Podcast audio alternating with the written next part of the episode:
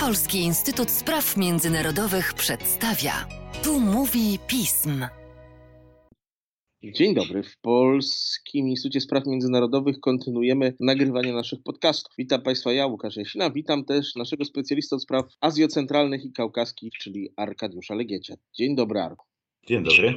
Ukazał się na naszej stronie bardzo ciekawy biuletyn Twojego autorstwa pod tytułem oczywiście i ogólnym, ale wiele dającym do myślenia perspektywy polityki Chin wobec Azji Centralnej. Jest to sprawa, o której się zdarzało nam już rozmawiać, a czy nigdy centrum. Zresztą w Polsce mamy jakoś taką skłonność do analizowania bardzo mocno polityki Rosji wobec tych państw, ale już z Chinami jest trochę inaczej. Mamy skłonność do zapominania o tych sprawach. I dlatego tak sobie pomyślałem, że warto, abyś nam jeszcze to również w naszym podcaście przybliżył. Na czym polega polityka Chin wobec państw Azji Centralnej, o ile jest oczywiście jednorodna i jakie są jej perspektywy w najbliższym, trudnym jednak mimo wszystko dla Chin czasie?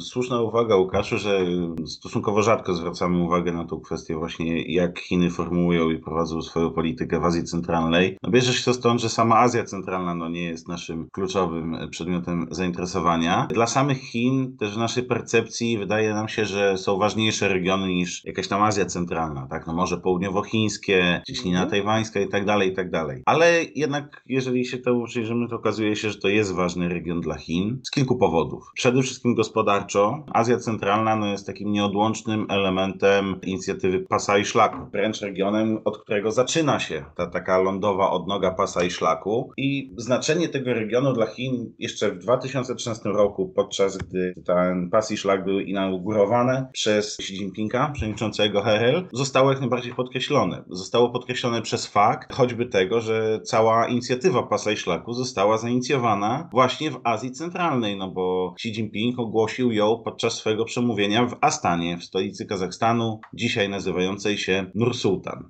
To znaczenie gospodarcze dla Chin tego regionu jest dość specyficzne, ponieważ to jest niecały 1% całkowitej wymiany handlowej Chin. 1%, no więc bardzo mało. Tylko, że z drugiej strony, no właśnie tutaj chodzi o perspektywy Chin, o stworzenie tych korytarzy transportowych i o wykorzystanie tego regionu do tego, co ma dziać się dalej, czyli do formułowania chińskiej strategii eksportu i przebijania się z nią dalej. Azja Centralna zdecydowanie nie jest w tym aspekcie regionem docelowym, jest tylko regionem kluczowym dla tego, żeby wychodzić dalej na świat. Ale to nie tylko gospodarka, bo tutaj jeszcze możemy jeszcze wymieniać zabezpieczenie źródeł surowców energetycznych, czy też rozwój zachodnich prowincji Chin, czyli te aspekty, które są ważne w strategii gospodarczej Chin, ale to są również istotne aspekty w polityce bezpieczeństwa. Po pierwsze, Chiny bezpośrednio graniczą z Azją Centralną, a co istotne, graniczy z tą Azją Centralną w zasadzie tylko jedna chińska prowincja, ale bardzo duża i bardzo newralgiczna, o której właśnie od czasu do czasu, niestety raczej w złym kontekście wspomina się.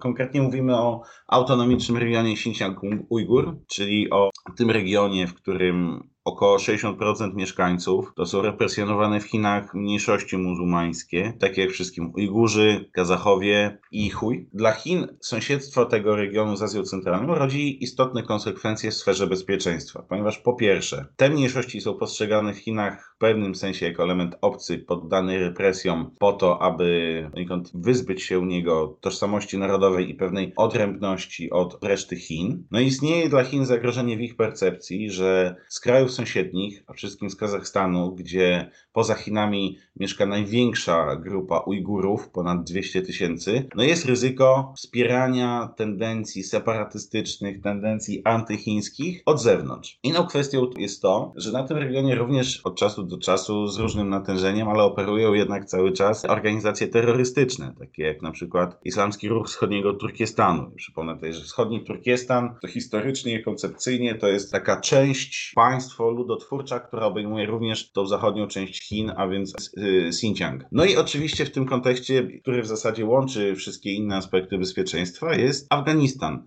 Sąsiedztwo z Afganistanem, które w Azji Centralnej ma miejsce w tym takim specyficznym trójkącie, gdzie schodzą się granice Afganistanu, Tadżykistanu i Chin. To nawet nie jest trójkąt, bo ciężko mi określić, jaka figura geometryczna to jest, ponieważ te, tam granice z uwagi na górskie ukształtowanie terenu no, przebiegają w dość, w dość zabawny i taki pejzażowy sposób, tak to powiedzmy. Ale no, Chiny postrzegają sąsiedztwo z Afganistanem jako zagrożenie, z uwagi na to, co od lat dzieje się w Afganistanie, czyli wewnętrzny konflikt, działalność grup przestępczych, organizacji terrorystycznych i to wszystko, co się z tym wiąże. Dodatkowo jest to problemem dla Chin, ponieważ to nie jest tak, że Chiny graniczą z Afganistanem same, albo że Chiny graniczą z Afganistanem i razem z nimi graniczy jeszcze jakieś inne silne państwo, które również działa na rzecz stabilizacji yy, regionu, minimalizowania jakichś negatywnych tendencji płynących z Afganistanu. No nie, no partnerem, powiedzmy tak to określmy, sąsiadem, który razem z Chinami graniczy w tym strategicznym punkcie z Afganistanem jest Tadżykistan, a więc państwo słabe, jedno z najbiedniejszych państw regionu, o ile nie najbiedniejsze i państwo w związku z tym od lat dominowane przez Chiny w sferze gospodarczej,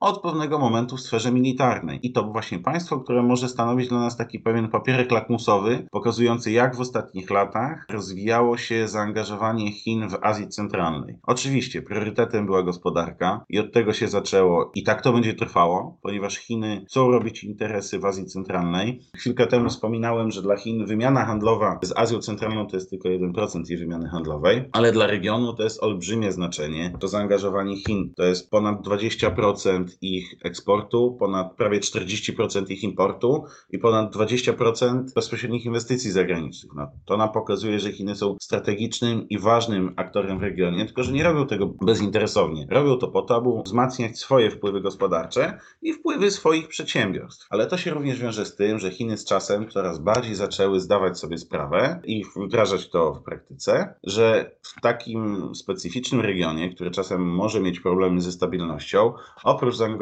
w sferze gospodarczej, to zaangażowanie w sferze gospodarczej musi pociągnąć za sobą zaangażowanie w sferze bezpieczeństwa, no ponieważ prowadzone inwestycje po prostu trzeba mieć możliwości zabezpieczyć. No, ciekawa sprawa, ale przecież te państwa, które są w Azji Centralnej, to bardzo różne organizmy. Jest tam też bardzo silny Kazachstan. Tak, zgadza się. Chiny muszą różnicować swoją politykę, aczkolwiek ta, ta, polityka z samego założenia jest zróżnicowana. Chiny nie chcą być żandarmem w tym regionie. Chiny nie chcą być państwem, które w jakiś sposób integruje i spaja ten region.